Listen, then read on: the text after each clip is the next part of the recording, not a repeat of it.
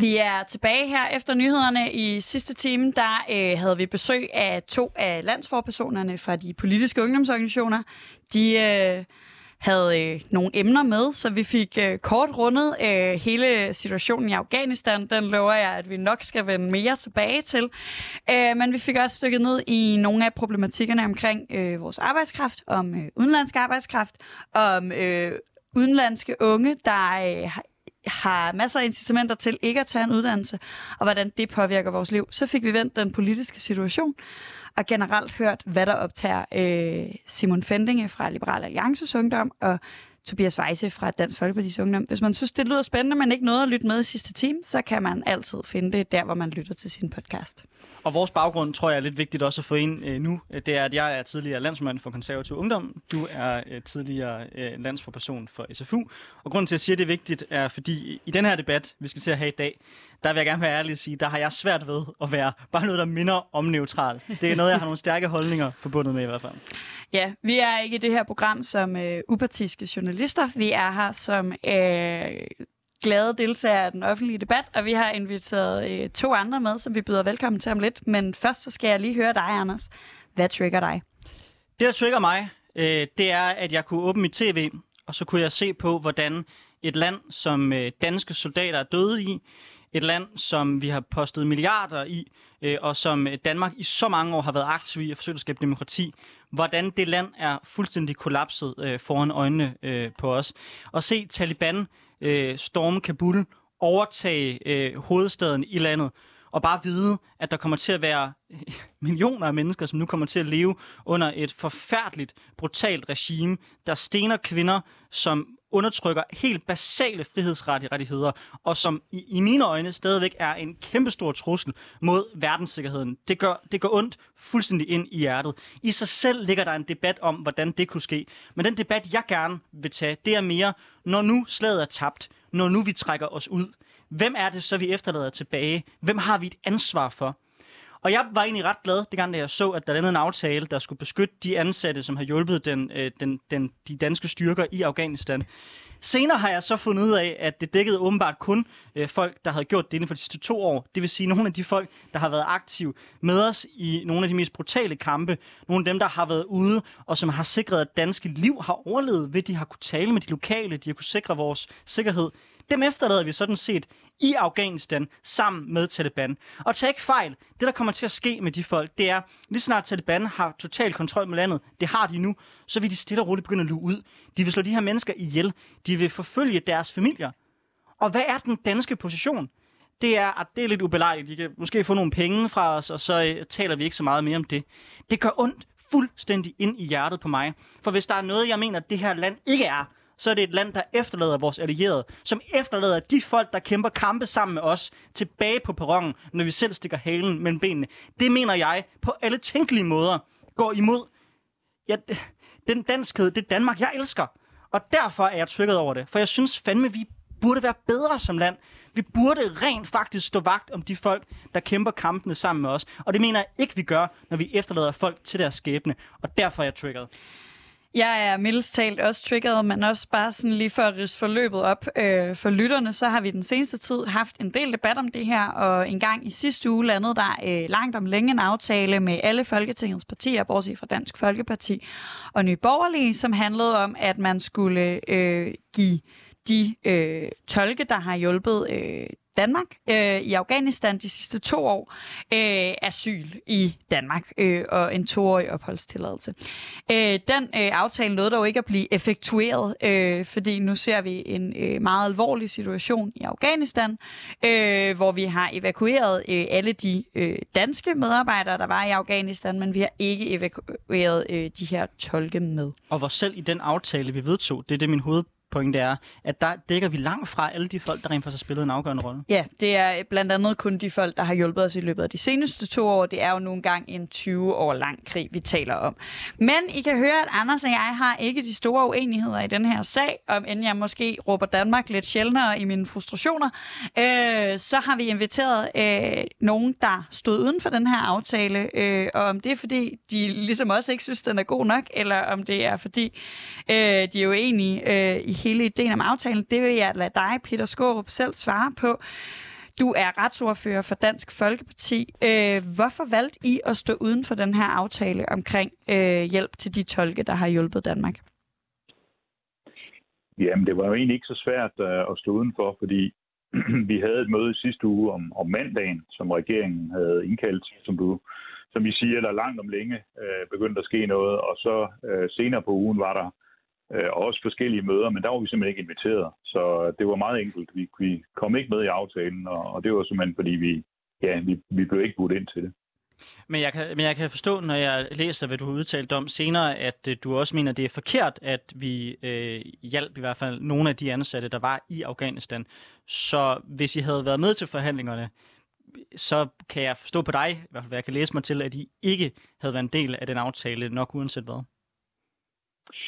Ja, det, det tror jeg, det er rigtigt, fordi øh, det virkede som om, at man havde sat sig for, at der skulle gives asyl til øh, mange ansatte, øh, tidligere ansatte, og også øh, i det hele taget afghanere, der skulle til Danmark, altså familier, der skulle til Danmark. Og det synes vi ikke om. Vi synes, man skulle hjælpe i nærområdet. Vi har jo forskellige aktiviteter præcis i nærområdet, blandt andet i Irak, og vi har mulighed for at, at hente folk, ligesom vi har gjort med danske soldater, øh, i en kortvarig periode. Og så der måtte man hjælpe der lokalt. Øh, derudover så øh, valgte man at lægge snittet meget, meget mærkeligt, synes vi. Altså, øh, I var lidt inde på det. Altså tolkene. Det var egentlig derfor, man skulle lave en aftale. Det var for at hjælpe dem. Øh, men det endte med, at øh, det blev nogle afghanske medarbejdere på ambassaden, blandt andet rengøringsassistenter og andre, og det, det var måske ikke lige der, vi havde valgt at gøre, og lægge snittet, hvis vi skulle have været med. Jeg synes, det er interessant, øh, det her med, hvilke medarbejdere vi skal hjælpe. Øh, men jeg synes også, vi skal byde vores anden gæst øh, med i debatten. Det er dig, Mursal Kusravi. Du er debattør. Øh, og jeg starter bare med at høre dig. Hvad synes du om den tolkeaftale, som vi kalder den, men, men som Peter Skåb er inde på, indebærer den også andre ansatte? Er, er det den rigtige aftale at lave øh, oven på, øh, på situationen i Afghanistan? Øhm, jeg må være ærlig og sige, at jeg var en af de danskere, som øh, hvad hedder det, hørte om den her tolkeaftale og blev glad. Fordi at øh, jeg kan huske, at øh, jeg begyndte at råbe op omkring det på Facebook, for jeg kunne ikke gøre andet i forhold til, hvad laver Danmark, mens alle andre er begyndt at evakuere deres ansatte.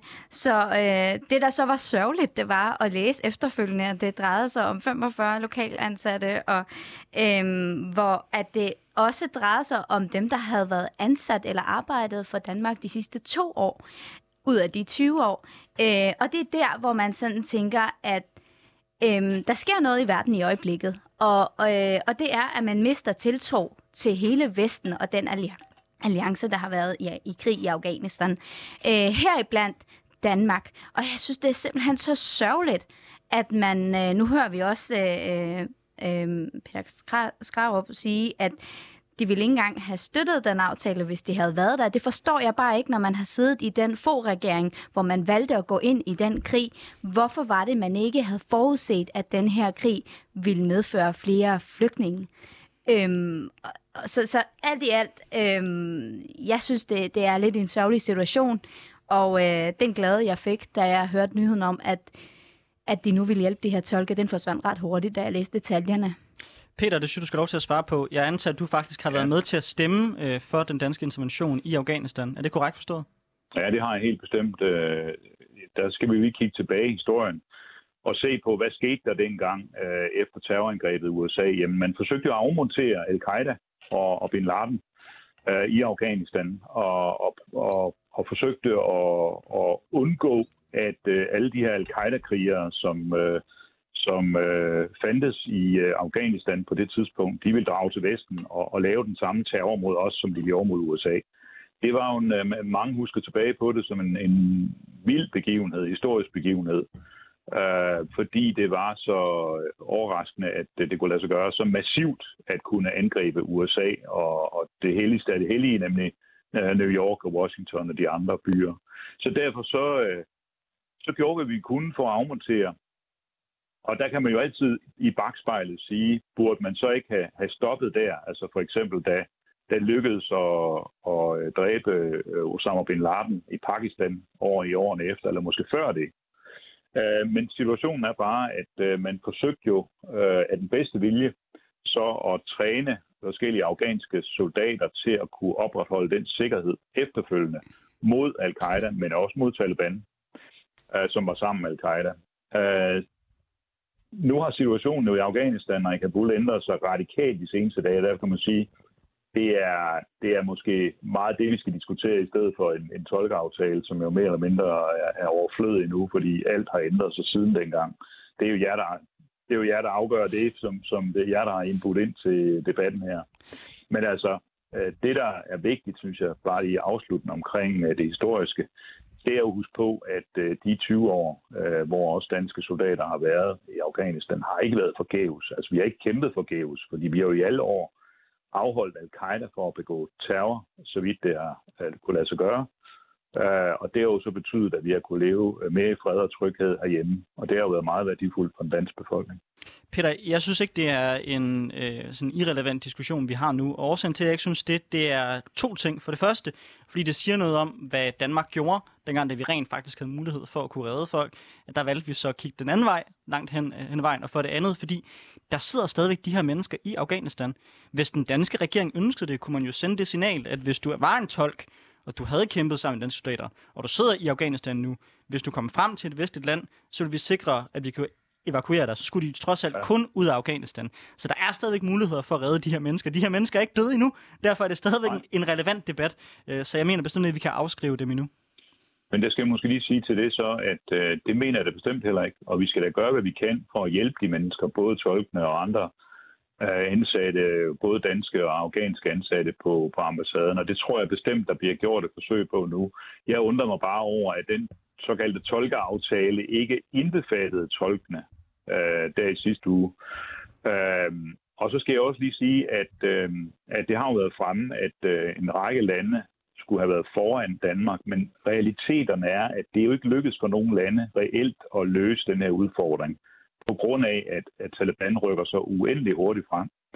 Og, og de informationer, som øh, Folketinget og, og ja, offentligheden, journalisterne har fået, har jo været øh, helt anderledes end, end det resultat, vi ser nu. Altså der har man jo fået de informationer, at øh, Kabul holdt i, i lang tid, mange måneder. Det er jo langt fra. Det er jo, det er jo simpelthen ikke sket. Øh, så alle er blevet overrasket over den her udvikling.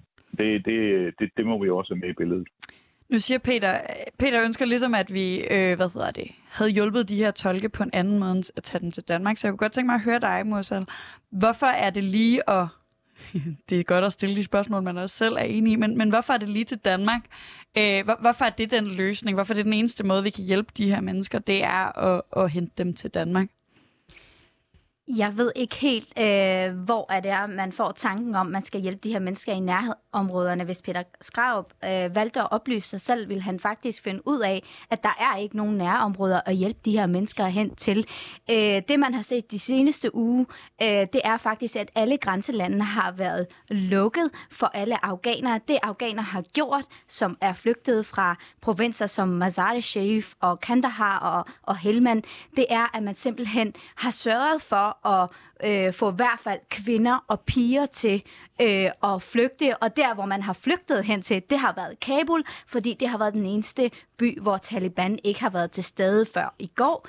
Og der, der er de så heller ikke i sikkerhed længere. I øjeblikket ser vi, jeg ved ikke om der er andre, der har set de videoer, men hvis man ser billeder fra Kabuls lufthavn, hvis man ser billeder fra de øh, offentlige parker og gader og stræder, der er i Kabul, det har været fyldt med interne fordrevne. Og hvor er det, at Peter Skarv vil hjælpe dem hen, vil han gerne sørge for at sende 5.000 danske soldater ned til de her parker, som så kan sørge for, at de her mennesker kan være i sikkerhed? Det tror jeg næppe.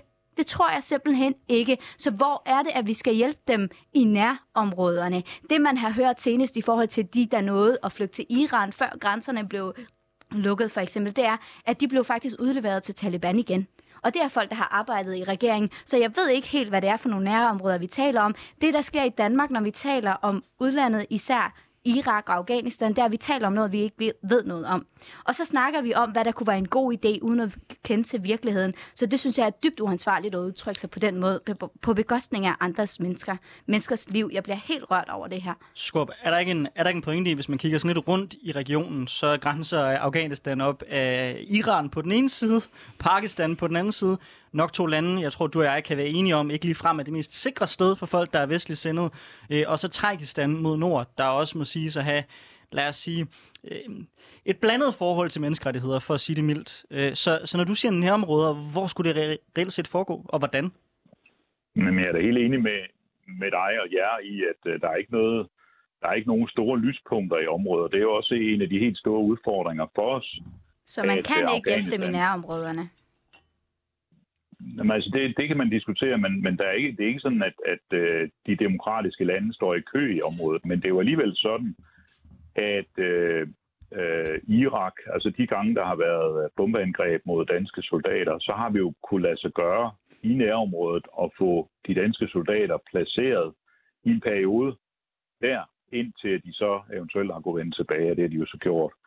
Øh, så, og amerikanerne har jo foretaget asylbehandling på baser i, øh, i nærområdet, øh, inden at, at de her, øh, den her første gruppe af, af afghanske ansatte kom til USA. Det er jo nogen, der har været under, under behandling i en ret lang periode, også før at, at det kom på tale og hjælptolkene og sådan noget. Så man kan sige, der er muligheder for at foretage visumbehandling, asylbehandling, hvis det var det, og hjælp øh, i nærområdet i en midlertidig periode. Øh, og og det, det, kunne jo, altså det, kan, det kan man jo altid diskutere. Kan det lade sig gøre, eller kan det ikke lade sig gøre? Det er bare som om, at regeringen har, har lagt sig fast på, eller lagde sig fast på den her aftale, uden at hjælpe tolkene i øvrigt, men at, at tage de her øh, ambassadeansatte og give dem asyl i Danmark. Øh, og det er ret mange, skal vi også lige huske på. Altså, det er jo, det, vi er jo oppe i tusinder formentlig. Ej, det er fordi, faktisk med... direkte løgn. Det handler om 200 mennesker, inklusive deres familiemedlemmer, ja. og 45 ansatte, i, øh, øh, som har arbejdet for ambassaden. Så det handler ikke om tusinder. Danmark tager faktisk ikke sit ansvar. Det her, det er bare et plaster på såret, for at man i, i sit eget land efterfølgende kan sige, jamen, vi evakuerede tolkene, som man faktisk ikke engang har gjort nu. Det, man også sender et signal til afghanerne i øjeblikket, der støttede øh, Danmark, det er, at man i går valgte at evakuere alle danske statsborgere ansatte, men ikke nogen, øh, som havde hjulpet os. Det er, at de andenrandsborgere og deres liv betyder ikke lige så meget som alle andres liv. Held og lykke med at få danske soldater til at få hjælp fra lokalansatte næste gang Danmark er i krig. Jeg skal lige sige, at øh, det er rigtigt, der der i øjeblikket, som vi har fået oplyst, det har været øh, en 40-50 ansatte, afghanske ansatte på ambassaden. Men derudover kommer jo en stor gruppe, som har været der tidligere. Men de uh, indbefatter det, ikke af aftalen? Det er kun dem, der har arbejdet nej, altså de sidste to år? Nogle af dem er jo indbefattet, fordi vi, som sagt, det, det er 45 cirka uh, ja. nuværende, og så er det et antal ud af måske 60 eller flere, øh, der, er, der har været ansat tidligere. Og derudover kan jo være andre øh, afghanske ansatte. Men det er der ikke, det... hvis du læser aftalen. Jeg bliver simpelthen nødt til at afbryde dig, fordi det er faktuelt mm. forkert. Det er det handler ikke om andre end de, øh, der har arbejdet for os de sidste to år, og det drejer sig om 45 mennesker, inklusiv deres familier, 200 mennesker, fordi at aftalen også siger, at alle dem, de tolke, vi har rekrutteret eller ansat gennem øh, britiske og amerikanske firmaer, det er ikke vores ansvar selvom de har arbejdet for os. Så det er ikke rigtigt, hvad du siger. Peter, det er vel, det er vel, fakt, det er, det, det, er vel, det er vel faktuelt set korrekt, at uh, der, hvor danske soldater har været involveret i kampe, uh, det er jo nogle flere år tilbage. Det er jo ikke inden de sidste to år. Der har uh, den danske involvering i Afghanistan været lidt mere tilbagetrukket, og dermed ikke på samme måde et spørgsmål om tolke. Det har jeg egentlig også hørt dig selv sige, at du rent faktisk mener, at de tolke, der har gjort den største del for Danmark, dem svigter vi i det her spørgsmål. Er det korrekt forstået? Ja, men jeg tror lige, vi bliver nødt til at have det der faktuelle helt på plads, fordi Øh, som vi har fået oplyst, så handler det om 45 ansatte, afghanske ansatte, eller handlede om 45 afghanske ansatte på den danske ambassade. Derudover øh, dem, der har været ansat to år tilbage, det er så flere jo. Altså det er 45 plus, øh, ud af en gruppe, som vi har forstået det på en, en cirka øh, 65-70 personer. Men det, der er relevant at diskutere her, det er ikke så meget, at det, det er jo relativt få i sig selv, men de her mennesker har, på det, altså har meget store familier, som man så i givet fald vil tage med. Og øh, hvis man så kommer til Danmark og får asyl, så får man jo også familiesamføring. Og når jeg taler om over 1000 mennesker, så er det jo fordi, at al erfaring viser, at øh, de pågældende personer, man tager til Danmark og giver, giver asyl, de søger familiesammenføring, og de kommer ikke hjem men de deres nærområde, 200 der er mennesker, det er inklusiv familiesamføring, hvis vi tager udgangspunkt i de 45 ansatte. Så tusinder skal vi ikke snakke om. Men jeg synes faktisk, at, Nej. Danmark skulle gå ud og tage imod tusinder. Fordi hvad med alle de her militære folk, som faktisk har gået og kæmpet side om side med danske soldater? I går hørte jeg øh, fra lokalt ansatte, som har været soldater og, og kæmpet sammen med den vestlige øh, del øh, af, eller den vestlige alliance, der har været nede i Afghanistan, at de bliver stoppet op på gader og stræder og skal have øh, vist deres identifikationspapir. De er internt fordrevne, hvis man kan kalde det det, men de gemmer sig i kældre og i øh, familiers hjem, men det for, altså, det er kun spørgsmål om tid, for man finder ud af, hvor de er, fordi lige nu bliver der udleveret lister over alle dem, der har arbejdet øh, som soldater sammen med vestlige soldater, der bliver udleveret lister over øh, kvinder, piger over 15 og under 45, der kan blive øh, sexslaver for de her terrorister. Og det foregår, mens vi sidder i Danmark og diskuterer, om vi skal have 45 tolke hjem eller ej. Det er vildt uansvarligt. Vi skal skamme os over det her, fordi vi er godt nok et lille land, men vi kan få indflydelse, hvis vi vil det på den rigtige måde. Jeg synes selv ikke, at det for DF er værdigt at tage den her debat på den her måde. Jeg skal lige sige til dig, at du, du er nok nødt til lige at læse den aftale i detaljer. Det har jeg netop og, gjort. Derfor ved Ja. jeg, at det er 45 Jamen, mennesker, og de 200 Så vil du også, mennesker, som er familiemedlemmer Men altså, til Peter, den. Peter, Ja. Peter, så lad os... så Så vil lad også os finde ud af, at det, det ikke kun handler om 45 mennesker. Men Peter, jeg bliver nødt til at spørge, fordi nu taler vi meget om, øh, om antallet, og sådan min, min forståelse af, af Dansk Folkeparti, så nu må du rette mig, hvis jeg tager fejl, men Dansk Folkepartis øh, modvilje mod, at vi som dansk samfund tager øh, en masse folk fra øh, mellemøstlige lande ind, øh, og fra lande, som, som I mener har en meget anderledes kultur, det er, at vi risikerer, at der kommer nogen med, der ikke er vestligt sindet og demokratisk sindet. Og de her mennesker er der jo en ret øh, stor sikkerhed for, er det, eftersom de aktivt har hjulpet øh, Danmark i krig, i en krig, der netop var meget vestligt sindet og meget demokratisk, øh, hvis en krig kan være demokratisk sindet. Men det er vist en helt anden debat, hvor jeg skal tage den.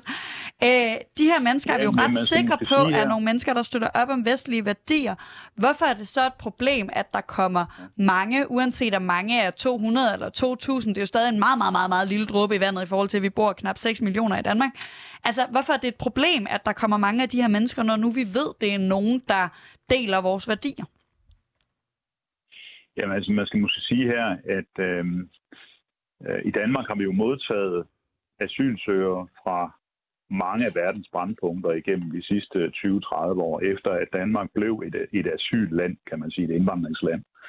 Øh, og, og i langt hovedparten af tilfældene, så har det jo været folk, der har været forfulgt af nogle brutale styre, Øh, og, og, og nogen øh, er jo også kommet hertil, fordi der simpelthen er bedre økonomiske forhold og uddannelsesmæssige forhold i Danmark.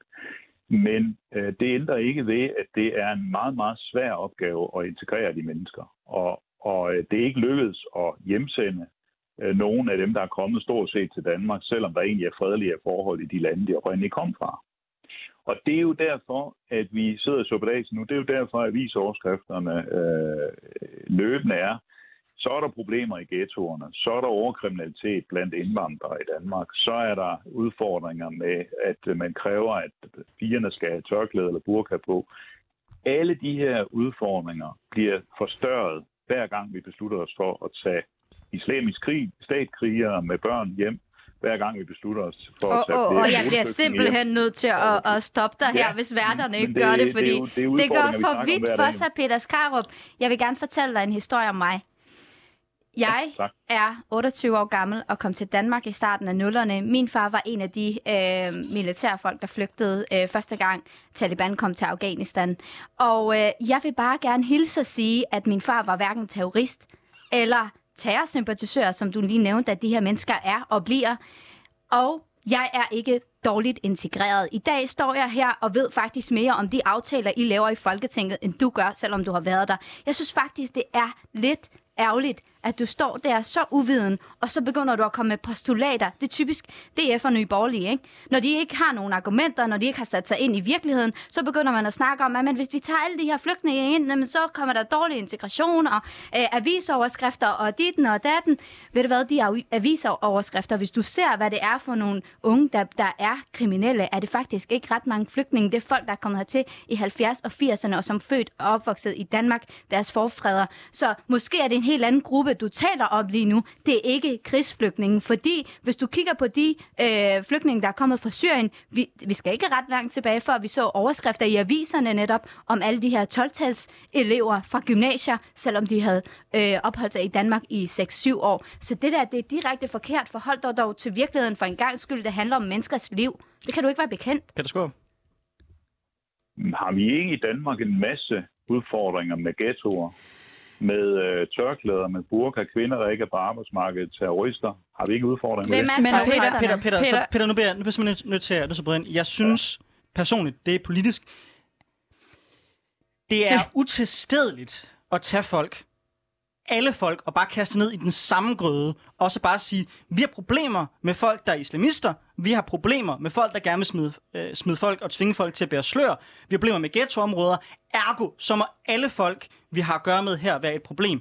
Det du ikke forholder dig til, som er det afgørende i det her spørgsmål, det er, hvorfor fanden skulle folk, der lige har sat deres liv på spil, øh, i en kamp mod nogen, der prøver at tvinge deres døtre til at gå med øh, niqab, og jeg ved kraftigt ikke hvad, hvorfor i alverden skulle de komme herop til Danmark og sige, ved du hvad, nu er vi kommet til et vestligt land, ved du hvad, min datter, nu skal du gå i det samme tøj, som, som Taliban prøvede at tvinge dig til.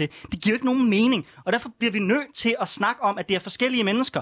Folk, der kæmper for de værdier. Ved du hvad, Skub, det er jo dine bedste venner. De hader Taliban lige så meget, som du gør. Så tag dig imod dem og kæmp Der sammen er med ingen dem. grund til at hisse op. Altså, Jeg hisser mig ikke op. Jeg er, jeg er, jeg er passioneret, Peter. Det Det, det, der er Men nu, forskel. nu har I inviteret mig ind for at have en debat. Ikke? Jeg, jeg, Jeg har deltager også en debat med dig. Det har jeg ikke lyst til. Jeg har også en debat med dig. Det, øh, og du skal Ja. selvfølgelig have lov til, Jamen, til, til, at man svarer. I er begge to helt op under loftet, og det er ikke Fordi det er vigtigt. på... Ja, det er Altså. vigtigt, ja. Men det er jo også vigtigt, at vi kan snakke sammen omkring det, ikke? Og vi har en vi debat, også. hvor vi kan fremføre hinandens synspunkter og også egne synspunkter, uden at hisse sig voldsomt op. Ja, og Peter, det er jeg sådan set enig med dig i, og derfor kunne jeg godt tænke mig lige at vende tilbage til spørgsmålet, fordi jeg, jeg, jeg, du nævner IS-sympatisørerne, og dem, der kan vi ligesom have en hel debat omkring de juridiske, og det har vi også haft øh, før i forhold til, om man skulle tage dem med.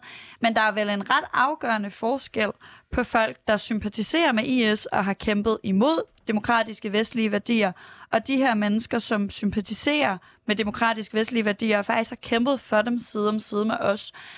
Er det ikke, Jamen, er det ikke en det meget det. anden Ja. situation, det her? Jo. Ja, Selvfølgelig er det det, og det er også derfor, at øh, Dansk Folkeparti og jeg selv har sagt, at vi skal hjælpe de her tolke. Og vi skal også hjælpe de afghanske ansatte, og det prøver vi med bedste vilje at gøre øh, i øjeblikket ved at forsøge at evakuere dem ud af, af Kabul øh, under de her vanvittige omstændigheder, der er nu. Det, det gør Danmark jo. Vi har fly i området, vi gør alt, hvad vi kan. Men øh, den anden diskussion er vi også nødt til at have, øh, nemlig skal vi, skal vi forandre Danmark øh, i retning af at blive et, øh, et land, hvor der kommer stadig flere indvandrere og migranter her til, til området. Øh, det handler ikke om, at man ikke vil integrere sig eller, eller vil integrere sig. Det handler simpelthen grundlæggende om, skal vi forandre i Danmark i den retning. Og, øh, og der må det være tilladt at nævne, at vi over de seneste 20-30 år har haft kæmpe udfordringer på det her område. Det handler, det handler jo om, om borgere i Danmark, der føler sig fremmede i vores eget land hvor de, hvor de ser mennesker, der går i, i burka og tørklæde, laver kriminalitet, som, øh, som ikke har dansk baggrund. Det, det er da dybt kritisk for den danske befolkning. Peter, det, det tror jeg ikke, du og jeg bliver uenige om. Jeg tror, der kan vi være enige langt hen ad vejen. Jeg synes bare, det er en anden gruppe mennesker, end det, som vi taler om her. Men for at vende tilbage til hele spørgsmålet om øh, tolkene. Jeg hører dig sådan set lidt indirekte sige, at I netop er klar på at hjælpe dem, og I måske faktisk mener, at regeringen begik en fejl ved ikke at hjælpe de tolke, der var aktive øh, øh hvad kan man sige, i krigsindsatsen sammen med danske soldater. Skal jeg forstå det sådan, så hvis øh, jeg som tolk, der sidder og gemmer mig et sted i Kabul PT, hvis jeg kan finde over til en øh, base, hvor der er vestlige soldater og et, øh, og et, øh, og et land, hvor jeg kan få hjælp, at så er du set klar til, at de mennesker skal have mulighed for at kunne få asyl i Danmark, og vi skal hjælpe de mennesker. Nå, men igen er, er jeg ikke øh, interesseret i, at de pågældende skal have asyl i Danmark, men jeg vil gerne hjælpe dem øh, midlertidigt i nærområdet, indtil der forhåbentlig kan skabes mere stabile løsninger øh, et sted for dem. Øh, og der, der vil jeg da håbe på, at det kan lade sig gøre også i den her situation, at tolkene får hjælp, også i den her vanvittige situation, vi er i nu. Øh, må jeg spørge dig, hvorhen, nu siger du i nærområder, hvis vi tager det eksempel, som Anders kom med, der er en tolk, der kommer over til en eller anden base og siger, at øh, han har tolket for, for, for danskere øh, og har brug for hjælp. Hvor vil du helt specifikt hjælpe dem hen til? Hvilke nærområder? For der er ikke nogen tilbage, hvor Taliban ikke har magten. Nej, det må vi jo nok Nej, men hvor vil du gerne hjælpe dem hen? Hvad skal, hvad skal den her soldat det... gøre, helt specifikt? Ja, I Afghanistan er det nok lukket på. Men altså, vi har opfordret regeringen til at tale sammen med nogle af de andre lande, der har de samme udfordringer, som, som vi har. Ikke bare i forhold til tolkene i sig og, og afghanske ansatte, men også i forhold til, øh, at øh, vi jo nok øh, kommer til at se en, en flygtningestrøm nu her ud af Afghanistan. Og der er det jo vigtigt, at vi kan hjælpe de mennesker, øh, også, også i nærområdet, øh, på Jamen, den ene eller den anden måde. Hvor, hvor, jeg vil bare gerne ja, forstå, altså det, hvor, hvor skal de hen? Hvordan, hvad skal den her enkelte tolk gøre?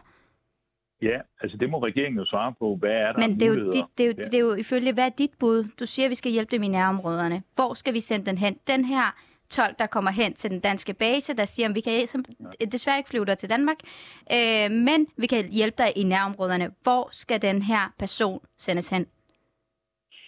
Altså, det må regeringen svare på, hvor Men det er jo, der er nej, nej, det skal jo regeringen jo ikke svare på. Regeringen prøver jo så at arbejde, det ved jeg ikke om jeg har hele regeringen, men der er nogen i regeringen, der prøver at arbejde for, at de her mennesker kan komme til Danmark. Det vil du ikke have, fordi vi skal ikke have dem til Danmark. Det synes du udgør terrorisme, selvom de faktisk har stået side om side med danske soldater og bekæmpet terrorisme i 20 år. Men lad os bare lige høre dig. Hvor er de nærområder? Det er at kaste med postulater, uden altså, at det, det holder vand. Det er jo ligesom, altså du frelægger dig ansvaret i forhold til den her debat lige nu. Du gider simpelthen ikke svare på, hvad det er, du mener med dine nærområder. Hvor er dine nærområder? Jeg synes, jeg må indrømme, altså jeg synes, du er lidt ude på et, et dybt vand her. Dels så øh, ønsker du ikke at anerkende fakta i den aftale, tolke, tolkeaftale, som man kalder den. Dels så mener du, at jeg kalder øh, de her tolke for terrorister. Altså det, du begyndte de, de at snakke ting, om, at vi skulle have terrorsympatisører og terrorister til landet. Peter Skåb. Manipulerende. Det har jeg jo ikke sagt noget som helst om. Nej, øh, men, men Peter Skåb, jeg, jeg forstår godt, at, at, øh, at det virkede som strømmand, men jeg bliver stadig nødt til lige at holde fast i spørgsmålet, som jeg egentlig øh, er enig med Mursal i. Altså, ja. du, du, bliver, du siger, at vi skal hjælpe i nærområderne. Jeg må indrømme, jeg, og, og det kan være, at det er mig, der er dum, øh, ubegavet, øh, whatever, det kan vi, men, men, men det kan være, at der er nogle af mine lyttere, der heller ikke forstår, jeg forstår ikke, hvad du mener. Altså, hvad indebærer det at hjælpe de her mennesker i nærområderne? Sådan helt konkret, fordi for mig at høre... Altså, jeg ved simpelthen ikke, hvad det udsagn betyder, når du siger det, Nej. så kan du prøve at forklare mig, hvad det er, der skal ja, ske konkret for de her mennesker?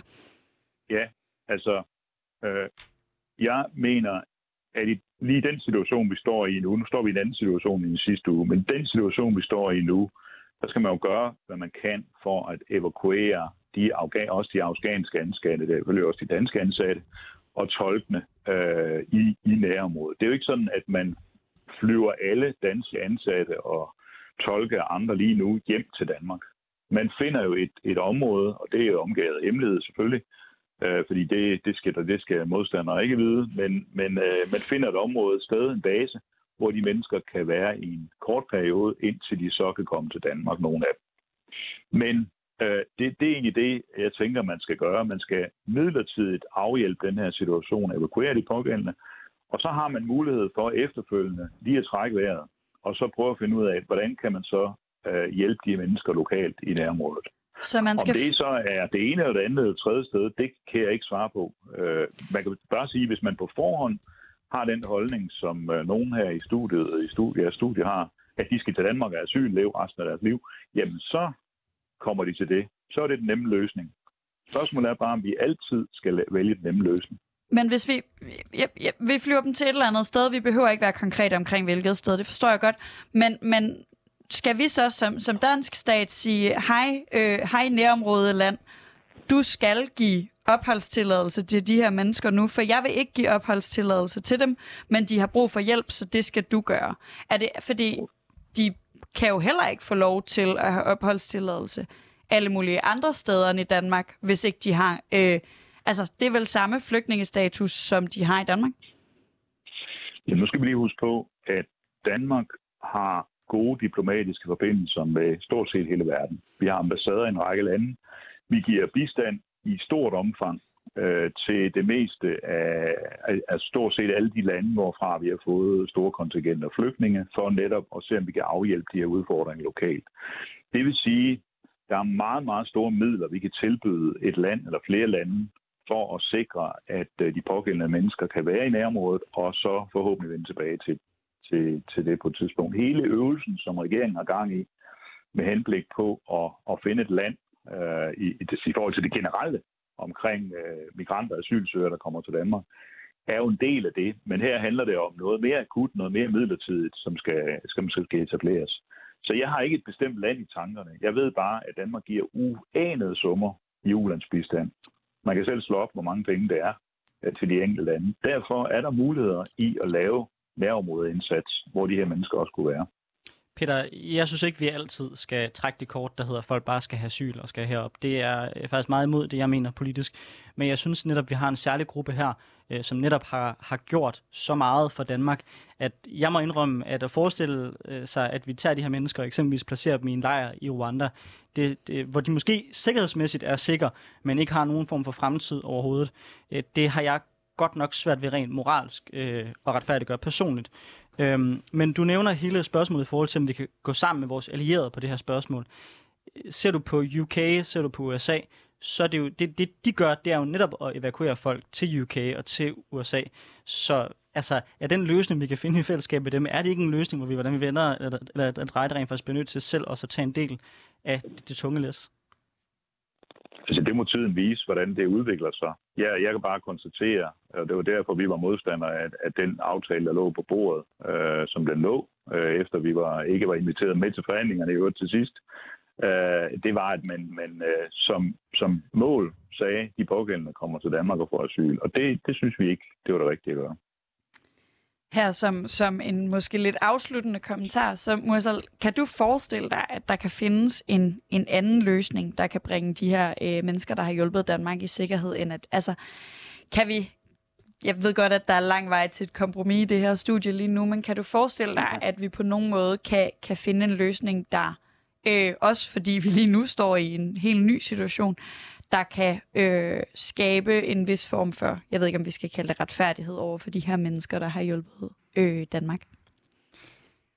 Øhm, det, yes. det er ikke den rigtige til at svare på. Altså, det, det, det, kommer, det kommer... Et altså, spørgsmål altså, til mig. Jo, Peter, det var, jo møde. Peter, det var faktisk et spørgsmål til Musal. Du skal nok få mulighed for at kunne svare sorry. bagefter. Ja, Øhm, jamen, jeg har meget svært ved at forestille mig det, hvis det er, at DF øh, og resten af det politiske landskab i Danmark kan overbevise andre lande, lad os sige, øh, hvad ved jeg, øh, selvfølgelig kan man ikke placere den, øh, det kan man ikke være bekendt i en eller anden ørken, øh, et sted, hvor, at de ikke, øh, hvor der ikke er en civilisation, men øh, ud over det, hvis de kan overbevise deres allierede, øh, USA, England eller andre om at sige, prøv her, vi vil rigtig gerne, øh, vi stod faktisk forrest næst efter USA, øh, da det var, vi skulle i krig i det her land, øh, hvor vi ville bekæmpe terror og al-Qaida, som man faktisk ikke har bekæmpet.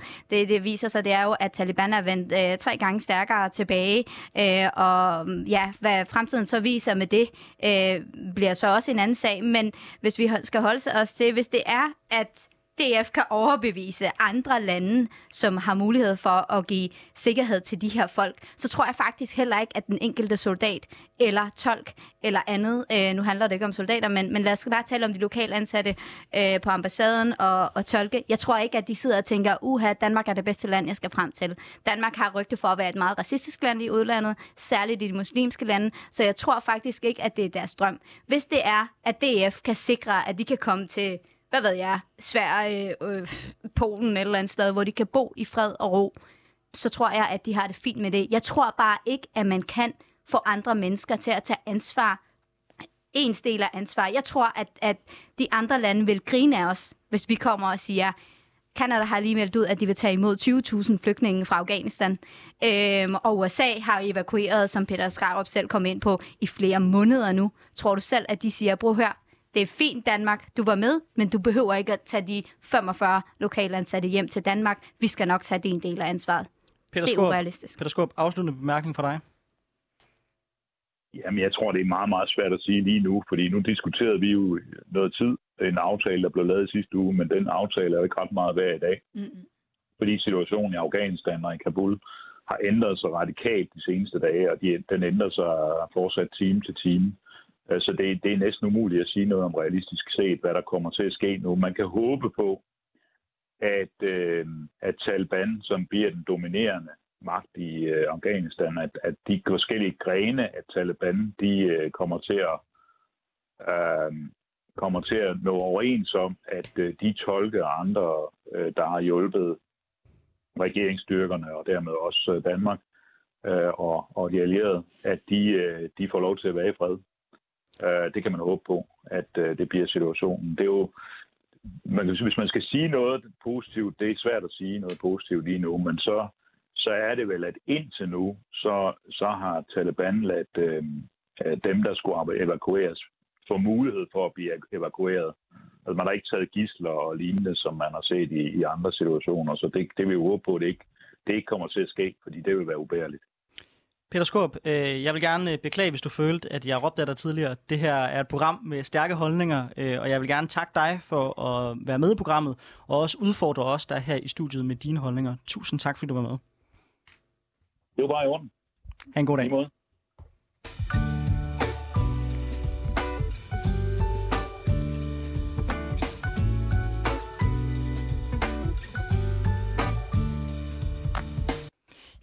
Ja, Musal, du bliver jo lidt øh, med os endnu, øh, fordi vi har stadigvæk gavn af dig de næste 13 minutter, øh, hvor vi skal snakke sådan lidt mere generelt i forhold til, øh, hvad der rører sig i dansk politik.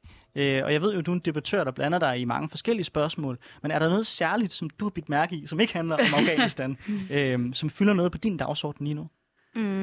Jeg vil først og fremmest også øh, sige, at hvis Peter Gra- Skrarup stadig fø- øh, hører med, så var jeg slet ikke heller ikke op på at råbe og sådan noget, men jeg er en pa- passioneret debattør. Det her det er en vigtig sag for mig. Jeg tænker på, at det handler om menneskers liv. Så øh, ja, derfor så udtrykker jeg mig også øh, med kraftig stemme, hvis man kan sige det på den måde. Så, og det har jeg gjort før, uden at jeg har hørt den slags kommentar. Men øh, i forhold til, hvad der rører sig i øh, Danmark, ud over Afghanistan, jeg må være ærlig og sige, at... Øh, jeg har ikke fulgt så meget med i Nasser sag, andet end, øh, end at, øh, hvad hedder det, at, at han udtalt noget meget forkert om Afghanistan igen. Men jeg synes, det er svært at fokusere på andet Afghanistan i øjeblikket, især hvis man er berørt øh, af det. Og jeg tror også, at øh, man så samtidig kan, kan snakke om alt det andet. Øh, der har jo øh, der har været flere partier, der har præsenteret folke, øh, folkeskoleudspil og reformer og sådan nogle ting. Så der er lidt forskelligt, men jeg ved ikke helt, hvad I har følt med i. Jamen, Så vil, jeg, så vil jeg gerne stille dig et øh, spørgsmål. Øh, Da vi sådan lige skulle research lidt på, hvem du var og hvad du har lavet tidligere, mm. øh, der kunne jeg se, at du er tidligere medlem af Radikale, øh, men mm. ikke er det længere. Mm. Øh, og lige nu fylder debatten jo meget i forhold til, om politik det er blevet for meget spin og, øh, hvad kan man sige... Øh, Altså, folk ikke rent faktisk har de, har, de, har de politiske holdninger i fokus længere, men det er mere bare blevet en magtkamp. Mm. Så jeg kunne egentlig godt tænke mig at spørge dig ind til at sige, er det noget af det samme, som har gjort, at du ligesom er blevet, øh, så at sige, turned off i forhold til dansk politik? Mm. Eller, eller hvad er årsagen til, at du ikke længere er aktivt parti længere? Øh, jeg vil sige, at jeg er slet ikke turned off i forhold til dansk politik, og er dybt engageret i dansk politik, men du har ret i, at jeg ikke er engageret som øh, øh, partisoldat, øh, hvis man kan kalde det det, og øh, har også været opstillet i øh, 13, øh, og er heller ikke det. Jeg tror, jeg meget tidligt fandt ud af, at, øh, og det kan godt være, I er uenige, fordi I er selv øh, med i partier, men jeg synes, jeg tidligt fandt ud af, særligt efter jeg stillede op der i 2013, at politik handlede meget om spil, spil og spænd.